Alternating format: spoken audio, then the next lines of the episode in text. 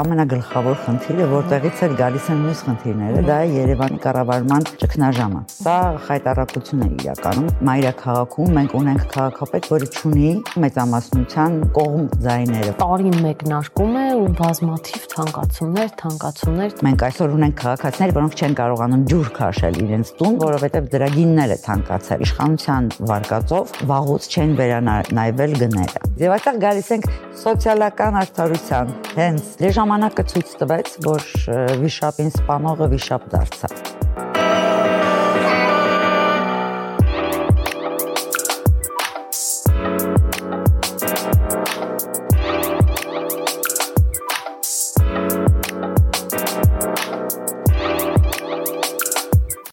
Ողջույն բոլորին, սոցիալական արդարություն ոդքասթն է մարդկանց համար, մարդկանց մասին։ Այսօր զրուցելու ենք մեր սիրելի մայրաքաղաքի Երևանի ադմինիստրատիվ եւ կոմունալ կառավարման խնդիրների մասին։ Իսկ զրուցելու ենք Երևան քաղաքի ավականու անդամ, ազգային առաջընթաց ավականու խմբակցության քարտուղար Իզաբելա Աբգարյանի հետ։ Ողջույն Տիկին Աբգարյան։ Շնորհակալ եմ զրույցի այս հնարավորության համար։ Ես եմ շնորհակալ հրավերին։ Այսօր ձեզ հետ միասին փորձենք հասկանալ, որոնք են, հա, այսպես ծանրացած, կռացած Երևան քաղաքի արչև որպես առաջնային խնդիր եւ փորձենք նաեւ հասկանալ ինչ է կատարվում Երևանի հա կառավարման քաղաքական մարմնի հետ։ Մի տեսակ ինձ մոտ տպավորություն է, որ 2021 թվականի նոր ձևավորված խորհրդարանի մշակույթը տեղափոխվել է օրվա քաղաքապետարան, հա, ինչով է պայմանավորված, լավ, ինչ էր սա առհասարակ, հա, սրա համար էին հավաքվել։ Տեսեք, դուք ասացիք, որ մենք խոսենք խնդիրներից։ Ահա Եվ միևնույն ժամանակ հենց վերջում նշեցիք ամենագլխավոր խնդիրը, որտեղից էլ գալիս են մյուս խնդիրները, դա է Երևանի կառավարման ճգնաժամը։ Գուցե քաղաքացիները չեն նկատում ճգնաժամ, որովհետև տեսնում են կա քաղաքապետ, կան ավականունիստերը կարծես տեղի են ունենում, բայց իրականում այդ ճգնաժամը կա, որովհետև չի կարելի անհնար է ունենալ որակյալ կառավարում, եթե քո հակակշռող հա մարմինները այն ընդդիմությունը օրինակ ավականու դու փորձում ես այդ ընդդիմությունից ձեռ ազատվել լրացնել եւ զբաղվել քաղաքական անասնաբողությամբ այսինքն ընդդիմությանը որոշ անդամներին վերածելով պրոիշխանականի սա խայտարակություն է իրականում եւ կարծում եմ առաջին անգամ է որ մայրաքաղաքում մենք ունենք քաղաքապետ որը ճունի նույնիսկ ավականու հա մեծամասնության կողմ ձայները, ոչ Երևանցիների կեսը ճունի, ոչ ավականու։ Եվ սա իրապես լուրջ խնդիր է։ Կարծում եմ իշխանությունները տվյալ պարագայում ունեին մեկ ճիշտ որոշում այն էր գնալ արտահերտ ընտրությունների, որպեսի կայուն մեծամասնություն ձևավորվեր արդար ձևով։ Ոչ զարտողի ճանապարհներով, ինչն էր այսօր քննարկման առարկա է դարձել, եւ բնավ պատիվ չի բերում մայրաքաղաքին, որ բոլորն են խոսում, թե ինչ ձևով է իշխանությունը կարողանում ապահովել քվորումը։ Ինչ ձևով է կարողանում ապահովել իր որոշումների անցկացումը Սա երևի թե ամենագլխավոր խնդիրը եւ այս մտնոլորտում ընդհատեմ Տիկին Աբգարյան, ինչպես ասում են, ճտերն աշնանն են հաշվում, շատ միշտ ապեք, որովհետեւ նույն խորհրդարանում այս օրերին արդեն տեսնում ենք, որ ջան ասում են, կարծես թե ջան լսում են, խնդիր չկա, գուցե նույնը նաեւ քաղաքապետանում լինի 2 տարի անց դժվար է դա անել, որովհետև բացի լեգիտիմության դեֆիցիտից իշխանությունը նաև տղայական, հա, ինչ որ քաղաքականություն է վարում եւ ոչ թե գնում է կառուցողական համագործակցության ընդդիմության հետ, այլ օրինակ մանդատից զրկեց մեր հենց խմբակցության ղեկավարին, որն էլ քաղաքապետի այլ ընտրանքային տեխնացուն էր ընդդիմության իդե։ Այս պարագայում մենք չենք կարող կարծել, որ այս իշխանության հետ մենք կարող ենք թե բարոյապես, հա, թե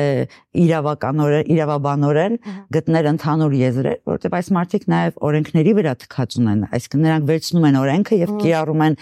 այնպես ինչպես իրենք կուզեն խտրական ձևով եկեք չմոռանանք որ ֆեմիդայի աչքերին հա կապած են աչքերը իսկ ճիշտ հակառակը տեղի ունեցավ ավականու դահլիճում երբ հայտարարվեց էր որ այս մեկին կզրկենք մյուսին չէ նույն չափի բացակա ունեցողներին այսինքն լավ դուք այդ քայլը ո՞նց եք մեկնաբանում ես այդ քայլը մեկնաբանում եմ որպես Տիգրան Ավինյանի վախ Հայկ Մարությանից հենց նկատի ունենալով որ Հայկ Մարությանը կարող է լինել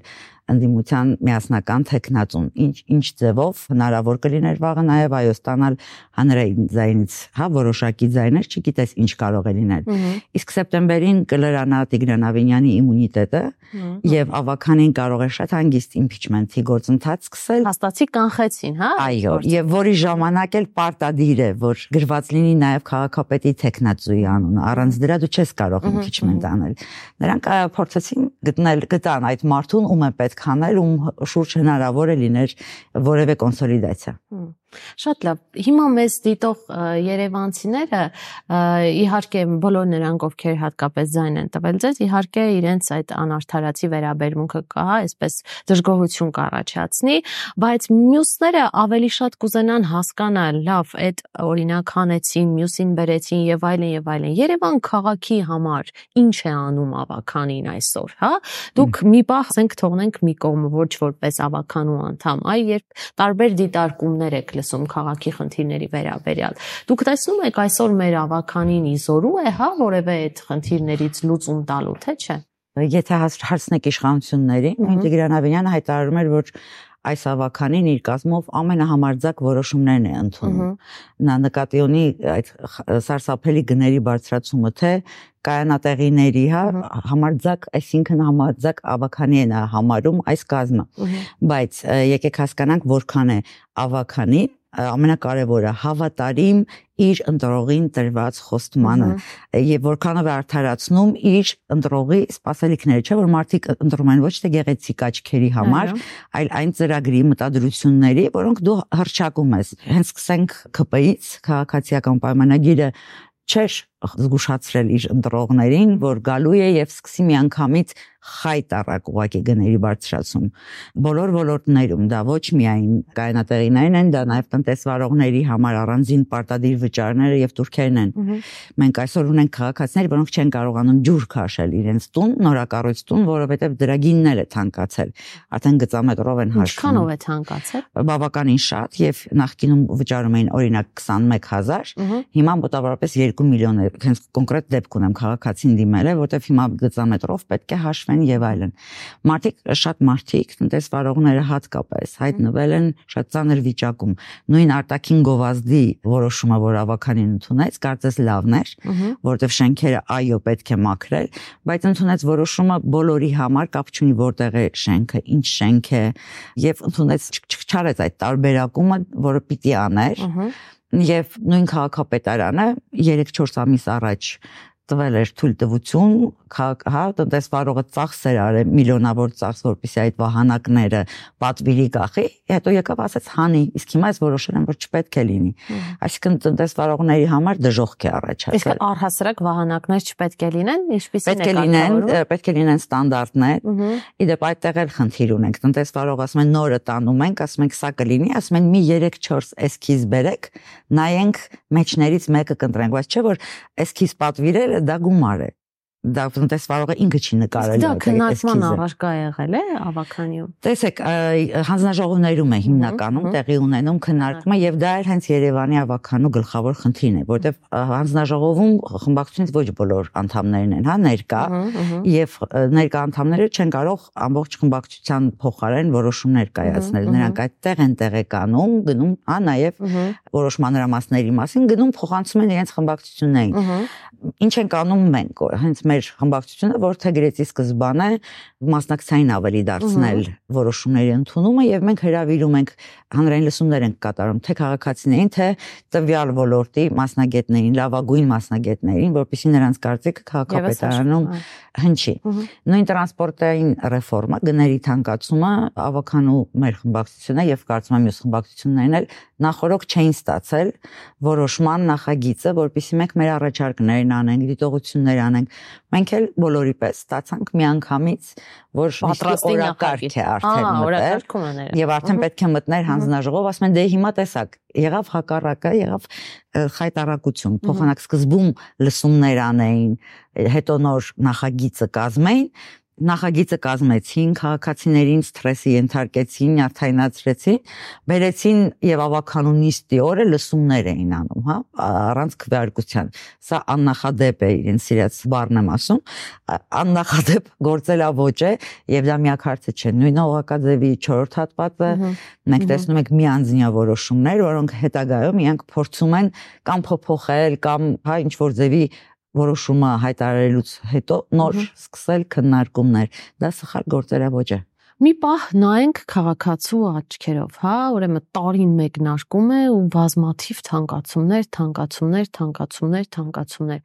այս երևույթը քննարկման առարկա հանդիսանում է, հա, փաստորեն կայանատեղին թանկացել է։ Կարմիր գծերը թանկացավ, աղմուկը բարձրացավ, հիմա մենք դրա մասին էլի կխոսենք, հա։ Հետո եկավ տրանսպորտի թանկացման նախագիծը, որը կարծես թե այս պահին հետ է քաշվել, հա, հանվել է, այսպես ասենք, քննարկման առարկայից, բայց ես դա էլ չհասկացա օրինակ, ինչի համար էր, հա, այդ ամենը։ Գուցե նրա համար, որ վաղը բարձվի օրինակ, չգիտեմ, այս աղմուկը կազմա կազմակերպեց, որ ոչ թե 300 լինի, այլ 200 դրամ եւ մենք ասենք դե լավ է որ 300 չէր, հա, ինչով էր պայմանավորված։ Ու առհասարակ կա քաղաքականություն, հա, տարեկան կտրվածքով։ Ինչ ինչպիսի թանկացումների, այսպես ասենք, նիշ պետք է առաջարկել, որտեվ յուրաքանչյուր ոլորտում փաստորեն քաղաքացին նոր տարին մեկնարկում է ու սկսում է անընդհատ լսել տարետեսակ թանկացումների մասին։ Պարզ է, որ դրանք լինելու են, չգիտեմ, 2024 թվականի աշնանի թվականից կամ 25 թվականից մեկնարկող, բայց այնուամենայնիվ տարին սկսում ենք մի ահռելի բեռով։ Սա քննարկման առարկա հանդիսանում է թե ոչ։ Դե ինքս ելույթի ժամանակ հենց դրան էի անդրադարձել եւ նույնիսկ շատ ավելի կոշտ ասել էի լավ է դուք չգայիք, դուք չաշխատեք, եթե մեղադրում եք, որ մենք չենք եկել ինչ որ նիստի, լավ է դուք չգայիք եւ չընդունեիք այդ որոշումները։ Բոլոր այդ որոշումների մասով մենք հավատարիմ մնալով մեր ընտրողներին տված մեր խոստմանը, մենք բոյկոտել ենք, որով որ կարողանանք չանցկացնենք, որովհետև դա այսօրվա միակ ձևն է, որ ընդդիմությունը կարողանա տապալել։ Իսկ ոչ թե դեմ քվեարկել, այլ բոյկոտելն է։ Բայց այդ բոլոր նախագծերի ժամանակ հանրային ձայն խմբակցության որոշ ներկայացուցիչներ ամեն դեպքում ապահովեցին իշխանությունների համար անհրաժեշտ պայմանները, որպեսզի այդ որոշումներն ընդունվեն։ Ինչու է այս ինչու են տեղի ունենում իշխանության վարկածով վաղուց չեն վերանայվել գները։ Բայց եկեք Ինչի է դա միշտ տեղի ունենում ընտրություններից հետո։ Դե բնականաբար ընտրություններից առաջ փորձում են ասել ասեք անենք, իսկ ընտրություններից հետո անում են այն, ինչ ուզում են, ինչ կուզեն տանենք։ Հիշում եմ նույն նույն կարմիր գծերի, հա, տեսախցիկների պատմությունը, երբ ասում էին, որ այդ ամենը, չգիտեմ, մեկ անձի բյուջե է գնում, հետո պարզվեց, որ դրանք լավ էլ պետական բյուջե են մտնում եւ այլն եւ այլն։ Ինչու էսպես վերափոխվեց, հա, այս ամենը։ Դե ժամանակը ցույց տվեց, որ վիշապին սպանողը վիշապ դարձավ դա շատ հայտնի ասացվածք է եւ մենք դա մեր աչքերի առաջ ենք տեսնում, որ տրանսպորտի գնի համար պայքարողները այնպես են խոսում, կարծես կտրվել են իրականությունից եւ այլևս չեն հասկանում, որ նույն ընտանիքի բեռը դա մի հոգու ծախսը չէ, դա մոր ուսանող երեխայի տարեց ծնողի ամուսնու դա մի ամբողջ թանուր գումարը շատ ավելի մեծ է կազմում բերի, քան եթե մեկ հոգով հաշվես։ Եվ մենք տարեսկզբում լսեցինք, որ կառավարությունը կրճատեց Երևանին հատկացվող սուբվենցիան։ Դե Երևանը ավելի քիչ գումար էր ստանում, քան ստացել էր ցած տարի եւ բացի այդ իշխանությունը մտադրություն ուներ գնել ժամանակակից ավտոբուսներ, նաև էլեկտրո ավտոբուսներ, իսկ այդ ամենը փող արժե։ Որտեղից պետք է այդ քաղաքացիությունից, իհարկե, դրեցին նայեցին որտեղ կարելի է գինը ավելացնել։ Նույն կայանատեղիների առումով, տեսեք ինչ պատկեր ունենք օրինակ ես թվերը մոտավոր եմ ասում 30000-ի փոխարեն նախորդ տարվա այս տարի 3000 է հա պայմանական վճար է մեծ թիվը կրճատվել է վճարողների տարեկան վճարը բայց գումարային առումով ավելի շատ է ավելին է այո կարմիր գծերի մասին է չէ այո այսինքն ինչ քաղաքականություն է վարում իշխանությունը իշխանությունը վարում է էլիտար բուտիկի էլիտար խանութի կամ էլիտար ջիմի քաղաքականություն որն է դա որ ասում ես թող քիչ թվով մարդ օգտվի մեծ գումարով։ Ինչ պետք չի որ շատ։ Կարևորը գումարն է, հա։ Բայց այստեղ նրանք չկա այդ գիտակցումը, որը ես արդեն մի քանի տարի է ասում եմ, որ չկա այդ գիտակցումը, որ դուք բիզնես չեք, դուք մասնավոր չեք, դուք համայնքային ծառայություն եք մատուցում, որը ձեր պարտավորությունն է եւ այդ ծառայությունը մատուցում եք ոչ թե ձեր գրպանից, այլ հենց այդ մարդկանց հասանելի պետք է լինի բոլորին։ Այո, հարգելի երկրքեից։ Եվ այստեղ գալիս ենք սոցիալական արդարության հենց գործոնին, որը խախտվում է։ Մենք տեսնում ենք, որ նույն մեքենակայանելը դարձել է հենց սոցիալակա սոցիալապես ավելի ունևոր խավի համար ձեռնտու նրանք ուրախանում են որ տեղ է ավելացել կայանելու Իսկ մյուսները ինչ են անում։ Կանգնում են հախուռն, լցվում են բակեր,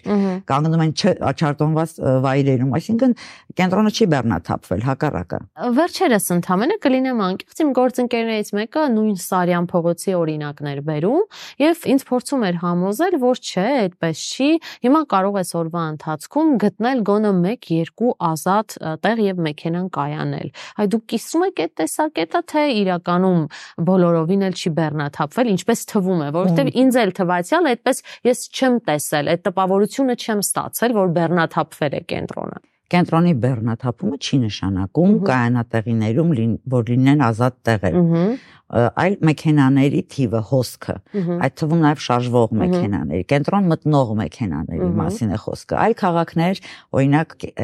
կենտ հա եւ զույգ համարներով են կիսում, որ օրը կարող են կենտ համարները, այդ դա իսկապես հոսքն է։ Բեռնական կան մայրաքաղաքներ, օրինակ Պրահան, որը առհասարակ փակել է կենտրոնը մեքենաների համար, դա էլ է բեռնաթափում այլ օրինակ բերեմ առհասարակ կայանատեղիները արկելված են եւ այդ առաջին գծով անցնում է տրանսպորտը ինչն է շատ ավելի արագացնում է տրանսպորտի աշխատանքը եւ մեքենաների փոքր կենտրոն գոնե այդպես չի իհարկե բայց դրա համար մենք պետք է ունենանք արժանապատի լավ աշխատող տրանսպորտ սկսենք այդ ինչը մենք չունենք եւ չունեցածի գինն են այսօր իրականում փորձում բայց այդ չունենք ինչպես ենք թանկացնում էլի ինչպես ենք նման նախագիծ առաջ։ Դե ասում են փոխհակապետներ հայտարարեց, ասած ուզում, բայց այդ նոր ավտոբուսները իմ տնից բերեմ։ Այսինքն մարդիկ ասում են, որ փող է պետք, որ այդ նոր ավտոբուսները գնենք։ Նոր ավտոբուսների ձեռքբերման համար կան շատ ավելի արդար եւ ազնիվ միջոցներ։ Դրանք են օրինակ պարտատոմսերը, որոնք ինչ որքան գիտեմ հենց ազգային ժողովի հետ հիմա քննարկվում է այդ հնարավորությունը նույնպես։ Եվ հետո ի վերջո հարցրել եք Երևանցին, Երևանցին ուզում է այդ շքեղ էլեկտրոբուսը, որը շատ ավելի թանկ է, գուցե Երևանցին դրա փոխարեն ուզի մի քիչ ավելի մատչելի 3 ավտոբուս, որը ավելի արագ կգա։ Այսինքն տեսնում ենք չմտածված հախուրն այս ռոպեական եւ հիմնականում որքան էլ նրանք դա հերքեն քաղաքականությունը ուղղված է ավելի շատ փող բերելուն Լավ, իսկ հիմնավորումը ո՞րն է դրա, որովհետև այսպես խելամտությունը հուշում է առնվազն, որ պետք է նվազագույնը քաղաքացիների համար ապահովես, հա, արժանապատիվ, այսպես ասենք, փոխադրման, հա, միջոցներով ապահովված, այսպես ասենք, երթևեկություն քո մայրաքաղաքում, հետո նոր խոսենք դրա գնի բարձրացման մասին։ Կլինեմ անկեղծ, տեսեք, այդ մի քանի ավտոբուսները, հա, թվով քանիսն են, որ չսխալվեմ, հետո ինձ չմեղադրեն սխալ։ Ընդհանուր թիվը, ես հա, այս բանին չեմ կարող ասեմ, վերջում 30 ավտոբուս եկա։ Ինչ էլ որ ավելացել է քաղաքում, ես որքանով հետևել եմ վերջին ժամանակ ժամանակահատվածում միշտ տեսել եմ, որ ահա որ խցկված, ես հիշում եմ նաև այն, հա, մահվան գազելների ծաղրող եւ տարատեսակ մեկնաբանությունները, հիմա ինչու՞մն է տարբերությունը։ Եթե գազելներում պետք է 12 անձի փոխարեն 30, հա, անձեր տեղափոխում, հիմա նույնը տեղի է ունենում ավտոբուսներում։ 30 անձի փոխարեն 60-60-ից ավելի մարդիկ։ Դա բոլորիս աչքի առաջ է եւ որևէ մեկը չի կարող ասել, որ այդպես չէ հակահիգենիկ, վթարային, անվտանգային ոչ մի պայմաններ ապահովված չեն։ Հազար ներողություն այդ բառերից համար, բայց հատկապես այս սուր վարակների շրջանում մարդիկ հազում ու փրշտում են միմյանց վրա։ Դրա համար պիտի թանկ վճարեն, ես սա չեմ հասկանում։ Դե իհարկե ձեր վրթովմունքը ինձ հասկանալի է, ինքս օգտվում եմ տրանսպորտից ամենօրյա ռեժիմով եւ ինձ համար էլ ես չեմ համարում որ այսօր մենք ունենք տրանսպորտային ցանց, որի վրա հույս դնելով ես կարող եմ հաշվարկել իմ ժամանակը եւ դուզամ տնից։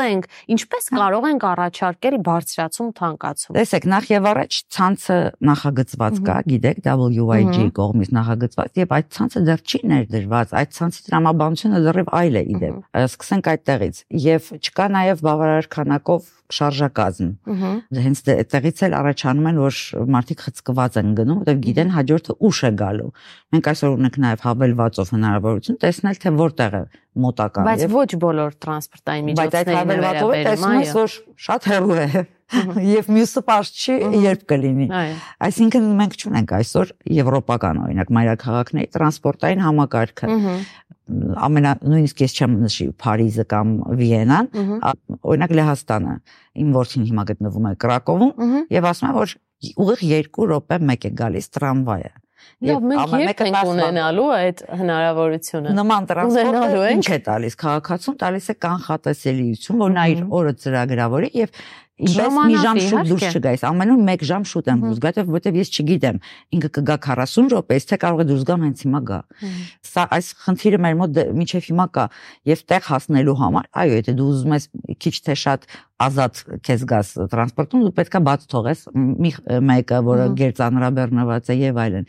չունեն իրանք այսօր որևէ իրավունք ասելու, որ նրանք լուծել են տրանսպորտի խնդիրը, որ Երևանցին կարող է այսօր արժանապատիվ շատ ավելի լավ տեղափոխվել Երևանում։ Դեռ կես ճամփին ենք դեռ կես ճամփին ենք, այո աշխատանքները արվում են չես համեմատի գազելի հետ, բայց եւ դեռ ավարտին չենք հասել։ Եվ ինչ այստեղ առաջանում, նաև այո, ես համաձայն եմ, որ ինքնարժեքը թանկացել է։ Ամեն ինչ է թանկացել ի վերջո, եւ այդ ավտոբուսներն էլ պահելը, լավ պահելը ավելի թանկ է, քան երբ կային գազելներ, որոնք հա գծատերերին էին խնամում պահում։ Բայց ինչի համար ես դու համայնքային իշխանություն, հենց առաջի քո ֆունկցիան այն է, որpիսի դու հնարավորինս փորձես, որ այդ ինքնարժեքի թանկացումը չազդի քաղաքացու գրպանի վրա։ Միանշանակ այստեղից գալիս է որ մենք կարող ենք սուբսիդավորել տրանսպորտը եւ սա հենց այն ոլորտն է ընդհանուր միջև պետ բյուջեից կարող է ինչպես մետրոն է օրինակ ֆինանսավորում, հա, սուբսիդավորում, կարող է այո այդ տարբերությունը Երևանը կարող է ստանալ պետ բյուջեից, որովհետեւ Երևանի տրանսպորտից օգտվում են թե մարզերի ուսանողները, որոնք այստեղ են սովորում, չկա գրեթե մարզաբնակ, որը չի գալիս Երևան, ինչ որ իր գործերով, չգիտեմ, լինի բուժ օգնություն ստանալու կամ այլ հարցերով։ Ի վերջո սա մայրաքաղաքի տրանսպորտ է, որը նաև տուրիստների համար շատ մեծ նշանակություն ունի, թե ինչ որակի դու տրանսպորտ ունես։ Եվ չէ որ այդ տուրիստների վճարված այստեղ ծախսած գումարներով է մարզերում ասֆալտ կփռվի եւ այլ աշխատանքներ կարվեն։ Մայրաքաղաքը չի կարելի թերագնահատել այդ առումով Հայկ Մարությանը իր երթման արարողության ժամանակ եւ քաղաքապետ էր հարցազրույց էր տվել, որի դեպ կտրում քպականները կեսն էին տարածում եւ այնտեղ հստակ ասում է նախ առաջինը տրանսպորտի թանկացման հարցը պետք է դրվի քաղաքային հանրակրվեի։ Որովհետեւ Երևանցին պետք է որոշի, նա ուզում է ավելի շատ օրինակ էլեկտրոբուսներ եւ այլն եւ պատրաստ է ավելի շատ վճարել, թե նա չի ուզում եւ այս գումարը պահպաները իր համար ավելի կարևոր է։ Դա առաջինը, երկրորդը իհարկե այն ժամանակվա կրկին նշած է, որ այո, տրանսպորտի սուբսիդավորում պետք է տեղի ունենա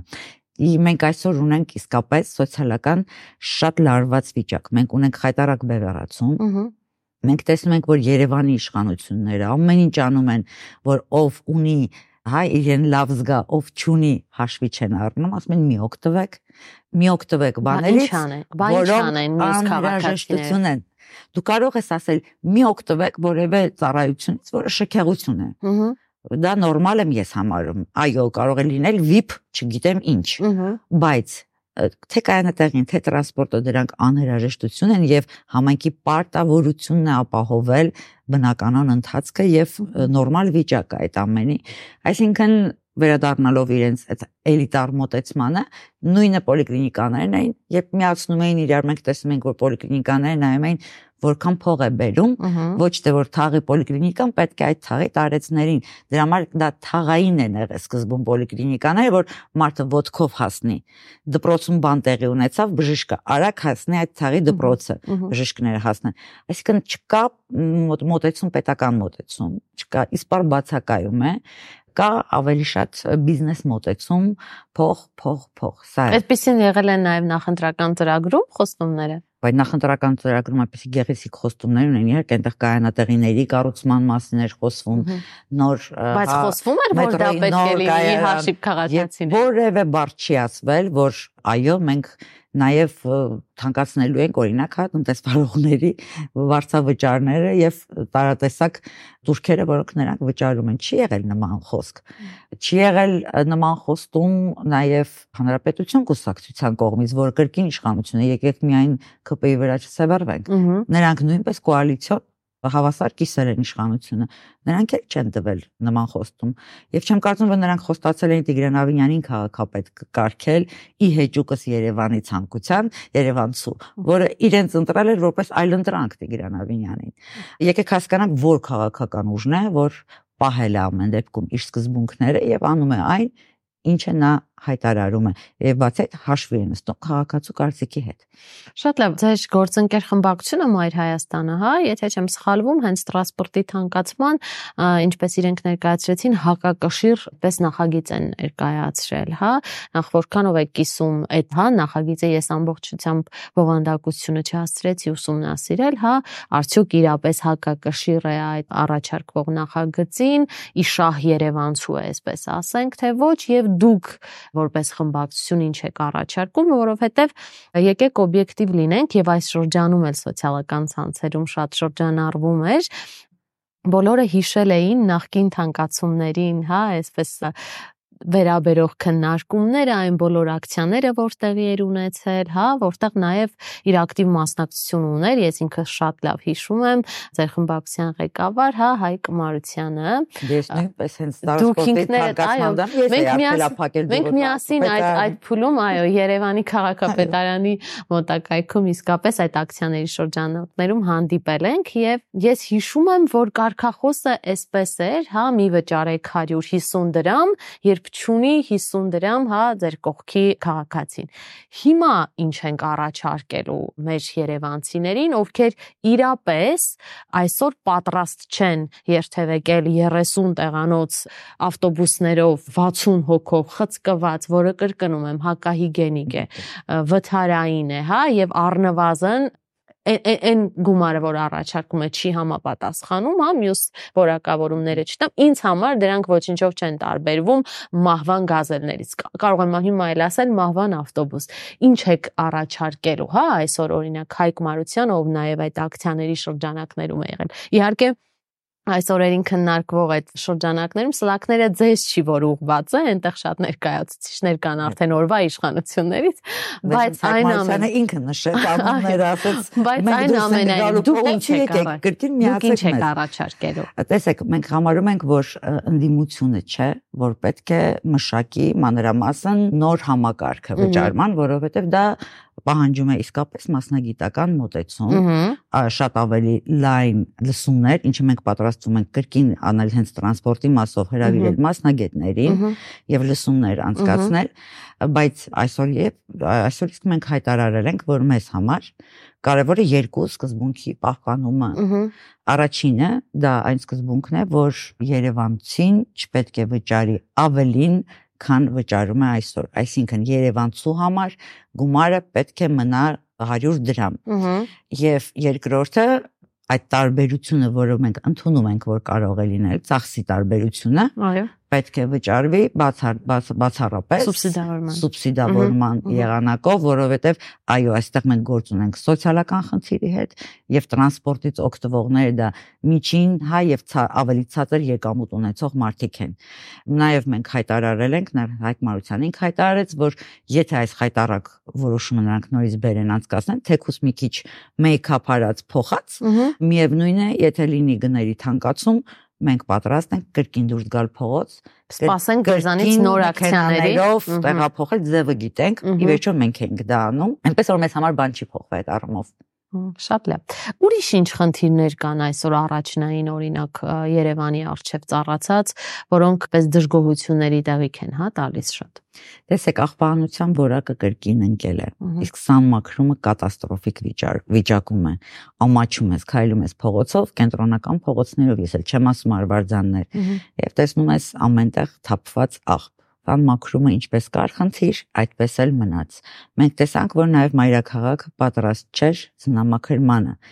Եվ իմ հիշելով առաջին անգամ տրանսպորտը փողոցներում կանգ էր առնում եւ չէր կարողանում շարժվել եւ վթարներ էին տեղի ունենում հենց հանրային տրանսպորտի մեջ մենք նաեւ դուրժվեց դուրժեց այդ առումով հա համայնքը այսինքն մեկ երկուսն էլ վերաբերում են նույն ոլորտին հիմնականում դա ԵԱՍՄ-ն է փողակը, որը հենց կոչված է, որ պետք է զբաղվի աղբանությամբ, սանիտարական մաքրմամբ եւ ձնամաքրմամբ մենք տեսնում ենք, որ այդտեղ մենք խնդիր ունենք, թե տեխնիկան ավելացնելու, թե մարդկային ուժը, բայց չէ որ այս իշխանությունը չի վերցնի ավելի շատ բանվոր, որ ավելի մաքուր լինի, նա ավելի շատ օգնականներ, խորհրդականներ, խորհրդատուներ, խորհրդատուի խորհրդատուներ է վերցնում ուրճացնելով առանց այդ էլ մեծ վարչական ադմինիստրատիվ ապարատը Սա կրկին քաղաքական մոտեցում է։ Հիմա այս մարդիկ այսպես են կարծում եւ ծախսերն էլ արվում են ոչ թե նոր տեխնիկա գնելու, հա, ավելի ժամանակակից։ Ես ինքս տվել եմ հարցում, թե ձնամաքրման, հա, ինչ տեխնիկա է ձեռք բերվել Հայկ Մարությանի impeachment-ից հետո, առ այսօր։ Եվ ստացել եմ պատասխան, որ 8 կամազ մեքենա այն կամազները, որոնք իրենք քննադատում են, չգիտես ինչու, կրկին իրենք դա են գնել։ Բա միշտ ներկայացվում է, որ ժամանակակից տեխնիկաներ են եւ վերված էր 50 ինքնագնաց ձյուն մաքրող, ահա, ինչ որ բան, բայց ես անկեղծ ասած Շակե ջան, չեմ տեսել ինքնագնաց։ Ես տեսել եմ, որ տարեց մարդիկ խոզանակ էին ինչ որ, հա, քաղաքով տեղափոխում, որ ձյունը մաքրեն եւ դա են ձեռք բերել։ Ահա ամբողջ այս տարիների ընթացքում իրենց ձեռք բերածը։ Նույնը ունենք կանաչապատման ոլորտում, իսկ կանաչապատումը եւ շրջակա միջավայրը առհասարակ դա Երևանցու առողջությունն է օթի ախտոտվածության խնդիրը։ Այդ հենց այդտեղ եկանք։ Օթի ախտոտվածության խնդիրը գալիս է շին հրաապարակների ոչ պատշաճ կահավորման եւ այդ կահավորումը ոչ վերահսկելու, հա, պատշաճ կերպով վերահսկելու այդտեղից գալիս է որ մենք ունենք ահավոր բարձր շատ փոշու պարունակություն օթում։ Մենք մեր կանաչ ֆոնդը լավ չենք խնամում, որ նա արդեն չի կարողանում իր խնդիրները լուծել եւ փոխարենը ուժեղ ավելի ծառեր տնկենք, տնկում ենք դեկորատիվ սակուրաներ կամ ծիրանիններ, չգիտես ինչի 19000 դրամով եւ ավելին։ Այսինքն այդ երկրորդ մեր հիմնական համայնքային հողակներ, որը հենց կոչված էր զգալի շոշափելի փոփոխություն բերելու, այդտեղ էլ ենք մենք տեսնում կրկին խնդիրներ։ Եվ ի վերջո ոչ պակաս մեծ էկոլոգիական խնդիր է աղբանոց սովետաշենի։ Մենք ճունենք աղբավայր միջ այսօր եւ այդ սորտավորումը դա հաճույքի եւ գեղեցկության համար չի արում, դա հենց բնապահպանական իմաստ է կրում։ Հա կյանքի երկրորդ կյանքը, որ 10 թղթին եւ ապակուն կամ պլաստիկին, դա նույնպես հայկմարությանից հետո կանգ է առել։ Մենք չենք տեսնում այդտեղ ծավալների մեծացում, մենք չենք տեսնում, որ օրինակ աղբավայր կառուցվի, որտեղ հենց նաև տեղի կունենա սորտավորումը, արդեն ավտոմատացված եւ վերամշակումը։ Այսինքն խնդիրները բազմաթիվ են Բայց փաստորեն նաև չկա այն միջավայրը, որ դուք նստեք, հա, եւ այսպես կառուցողական դաշտում առաջարկներ ներկայացնեք, չգիտեմ, քննադատեք, ինչ որ հարցերում համաձայնեք օրվա իշխանությունների հետ, հա, տեսեք, նշատս բոլոր խնդիրների լուծումները եւ մեր մոտեցումները շարադրված են մեր նախընտրական ծրագրում, որը բավականին ծավալուն էր եւ հենց ամեն խնդրին լուծումը։ Եթե իշխանությունը ցանկություն ունենար, ապա կկենտրոնանար կնայեր նաև նախընտրական ծրագրերը, մյուս քաղաքական ուժերի եւ կասել այս սա սա սա ճիշտ ենք համարում, գուցե մենք էլ փորձենք անել դա։ Բայց նման բան չկա, ինչպես ասում եմ, իրենց տղայական մոտեցումը, որ մենք ենք որ կանք եւ մեր դեմ խաղ չկա, թույլ չի տալիս իրենց իջնել իրենց բարձունքից, որտեղ իրենք հա փուչիկի պես ուռել բարձրացել են, թույլ չի տալիս ավելի կառուցողական լինել ընդդիմության հետ եւ իրենց վերջին քայլերը այս նենք ստոր քայլերը մանդատից զրկելը, որը աննախադեպ բան էր Երևանում, նաև այրում է այն կամուրջները, որոնք կարող էին լինել իշխանության եւ ընդդիմության միջև։ Այսինքն առաջիկայում չսպասենք այդպիսի համատեղ քննարկումների կամ համատեղ որոշումների կայացում։ Մենք տեսնում ենք, որ Երևանցու մեր արչև մարդիկ են, որոնք ճունեն բավարար պատկերացում խնդիրների մասին, իրենց ոճը, իրենց քաղաքականությունը վարել վարելու ձևը կտրուկ չի համապատասխանում մերի հետ, մենք շատ տարբեր ենք, կարող ես կառուցողական երկխոսություն ունենալ մեկի հետ, թե կյանքում առհասարակ, թե քաղաքականության մեջ, ով քիչ թե շատ կարող է հասկանալ, թե դու ինչ ես անում եւ ցանկություն ունենալ, որ նաեւ քեզ այդ հնարավորությունը տա իրագործել դա մենք նման մարդիկ չենք տեսնում այսօր քաղաքապետարանում տեսնում ենք ինքնասիրահարված հողորտացող երիտասարդներ որոնք հարբել են պարզապես իշխանություն լինելու այդ հաճույքից։ Վերջում կուզենայի հարցնել, եթե այսպես շատ հետ չգնանք, հա, ընդամենը 5-6 տարի առաջ, ես հիշում եմ քո համագործակցությունը այսօրվա քաղաքական իշխանության հետ։ Այ դու որ կետից հասկացար, որ օրվա իշխանությունները, հա, իրենք իսկ իրենց առաջարկած թեզերից հետ են կանգնում։ Կուզենայի նաև քաղաքային, հա, ես նորից ուզում եմ հիշեցնել կարմիր գծեր չպետք է լինեն, արագաչափեր տեսախցիկներ չպետք է լինեն, այդ հայտնի տեսանյութերը, մի խոսքով, հա, ֆրազաները անգիր բոլորս հիշում ենք։ Այ երբ հասկացար դու էլ, որ օրվա իշխանությունները իրենց իսկ թեզերից հետ են կանգնում նախ լարվածությունը սկսվեց հենց մի անգամից, ինչը նկատել էին նաև նույն սոցիալական ցածում իմ հետևորդները, մի պա ես ընդհանրապես փակել էի edge-ս եւ որևէ բան չէի ուզում գրեի, որովհետեւ տեսնում էի առաջին հենց իմ խնդիրներ, ինչի մասին ես իդե բաց գրել եմ եւ դիմել եմ Նիկոլ Փաշինյանին, դա իր կադրային քաղաքականություններ եւ թե ում էր նա տանում ազգային ժողով։ Ես չէի տեսնում այնտեղ թիմ, որը լուծելու է այն խնդիրները, որոնց մասին խոսում էին հեղափոխության ժամանակ, որտեղ խոսում էին սոցիալական արդարությունից, խոսում էին արդարադատությունից եւ արդարադատության իրականացումից, բայց տեսնում ենք, որ գնում էին, չգիտես ում քերու տղաները, հորքուրի գանձերը եւ ես չէի տեսնում, որ այդ մարդիկ կարողանալու են այդ ծանրության եւ լրջության խնդիրները լուծել։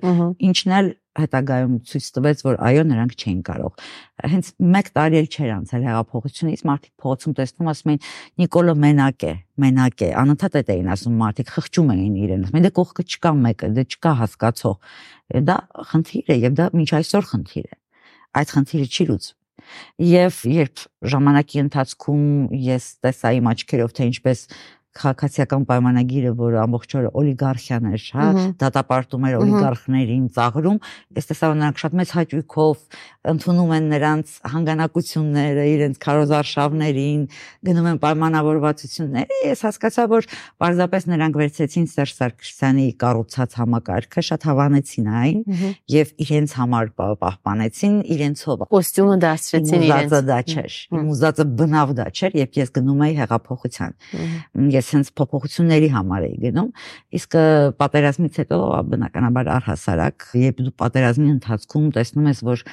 չգիտես ինչու երկրի ղեկավարը լայվ է անում ասում է հա, ինչ որ տնից բան վերցրեք հակեք գնացեք սիրտը սիրտը որ չի դիմանում, ասեն դու հասկանում ես թե ինչ ձեռքերում է պետությունը, դու չես զգում ուժեղ պետություն, որ քաղաքացու հույսին են դրել։ Նույնը կ ូវ իդի ժամանակ է, դիմակներ էին բաժանում, խմբերի էին կիսվել, մարդիկ կռվում էին այդ խմբերի, թե ինչ գործ ունեին, ինչ որ մեկը, այսինքն պետության ֆունկցիան դրվել էր խմբերի վրա, խմբեր կազմեք ջոկատներ, այս բաններ եւ բնականաբար պատերազմից դուրս եկա լքեցի արդեն իմ քայլը, որտեվ անիմաստ էր, ամեն դեպքում դեպքում համայնքային իշխանությունում, քանի որ քաղաքապետը դեռ Հայկ Մարությանն էր, ես շարունակում էի նույն ծրագրով, որտեղ ես այդ ծրագիրը խոստացել էի Երևանցիներին, դա իմ քայլի ծրագիրն էր, իսկ իմ քայլը դա ԿՊ-ն չէր իմ քայլը դա ԿՊ առաքելություն եւ մեծ հատվածը դա հենց քաղաքացիական ակտիվիստներն էին։ Եվ այդ ժամանակ ես պահում էի իհարկե, ես ընդդիմություն չէի քաղաքային իշխանությանը։ Դու ես տեսնում ես Մարությանը անում է այն, ինչը խոստացել է։ Իսկ Մարությանի impeachment-ից հետո էս դառա արդեն նաև քաղաքային իշխանության համար ընդդիմություն, այն քչերից որ դա լիճում հիշում եք քանի ինչ քչաթիվ ընդդիմություն էր եւ այն քչերից էր որ փորձում էր այդ հակակշիռը լինել, զգաստացնողը լինել։ Սա է ամբողջ պատմությունը։ Շատ լավ, մտածում էի սկսեցին քաղաքային խնդիրներից, վերջում էլի եկանք ներքաղաքական խնդիրներին, որոնք անբաժան են։ Երբ մարդիկ ասում են ես չեմ ուզում զբաղվել քաղաքականությամբ, մարդիկ չեն հասկանում, որ չգնալով ընտրության, ասում են փուֆ բոլորը վատն են։ Ես չգնացին, դու դու չես գնում ընտրության, քո փոխարեն գնում է մյուսը եւ ընտրում է մյուս, որը հետո քեզ գները բարձրացնելու։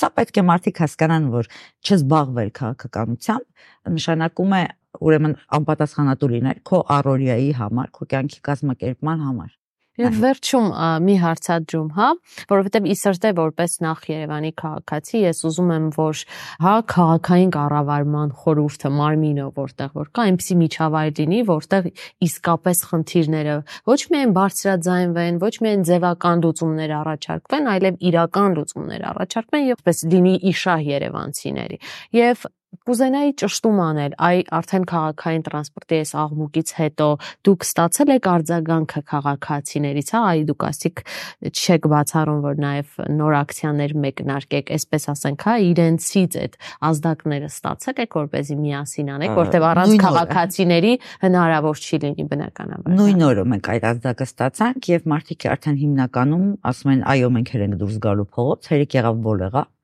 եւ որպես բան վերում են հիմնականում ասում են մենք ավելի շատ վճարենք, որ նրանք ավելի թանկ պատավատներով մանգան ծառայողական մեքենաներով։ Այդպես է իրականում։ հա։ Մարդ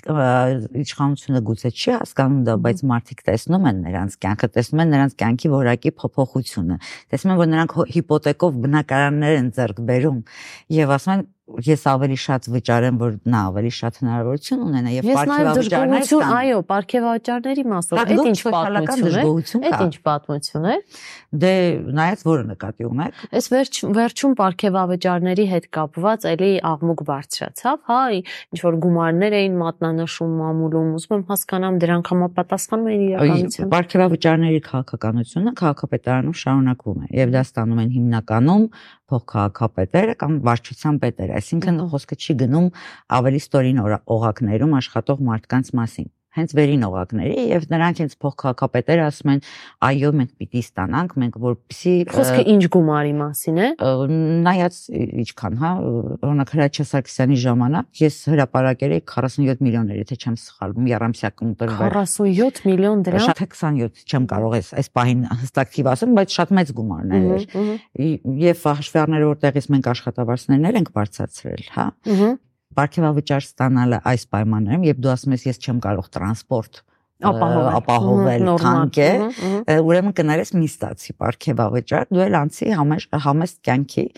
այս առումով քաղաքացիներն են հենց դա նկատում եւ մի բան էլ կավելացնեի նախկինում միշտ հրապարակվում էր օրենք օրենքի համաձայն Երամսյակային ապարքեվավճարներ այդպես ընդդիմությունը իմանում էր եւ օրինակ նույն Հայկ Մարությանը ասում էր ինչու է տեղակալին տվել ապարքեվավճար դա պահանջ է այս իշխանությունները չեն այլևս հրապարակում եւ իրենք արդեն դարձել են շատ ուժեղ անձնական գաղտնիք հարգող համարում են որ դա մարդու անձնական կյանքի գաղտնիք է ապարքեվավճարները այլևս չպիտի իմանանք հա ամեն դեպքում մենք կարող ենք հարցում անել իմանալ որքան գումար բայց մեզ է կարող է արդեն ասեն, որ այդ չենք ասի ում որ որքան է հատկացվել։ Սա խնդիր է։ Դա թող արդեն մեր մեզ լսող քաղաքացիները իմանան, այո, խնդիրն է իհարկե։ Միշտ մշտապես պահանջել են նաև թափանցիկ աշխատանք եւ որվա իշխանություններն են մշտապես դա կարևորել։ Նաև ասեմ քաղաքացիները շատ են նշում այն ճոխ շռայլ ծախսերը, որոնք արվում են օրինակ, հա, նոր տարվա համար լուսավորության համար հատկացվող մեկ անձից գնումներով որը էլի քննարկման հարյուրավոր միլիոններ ջահեր եւ միլիոնանոց չգիտես ինչ էր եւ ի վերջո Տիգրան Ավինյանի ճոխ երթմնակալության ուղությունը երբ ամբողջ Երևանը ինչպես նաև ամբողջ հանրապետությանը հանրապետությունը այդ ժամանակ մարդիկ խելագարվում էին որտեղ այդ ժամանակ տեղի էր ունենում Արցախից մեր հայրենակիցների բռնի տեղահանումը այո Շնորհակալ եմ ձեզի սրթե ամբերություն եմ մաղթում։ Հուսամ որ մի օր իսկապես մենք կունենանք ավելի այսպես կառուցողական քննարկման դաշտ, հա, մեր կառավարման մարմիններում, որտեղ իսկապես այն արկա խնդիրները կդառնան խնդրո առարկա եւ կփորձենք լուծումներ տալ, հա, մեկը մյուսին օգնելով։ Եվ կլինի երկխոսություն։ Շնորհակալություն։ Ձեզ նույնպես։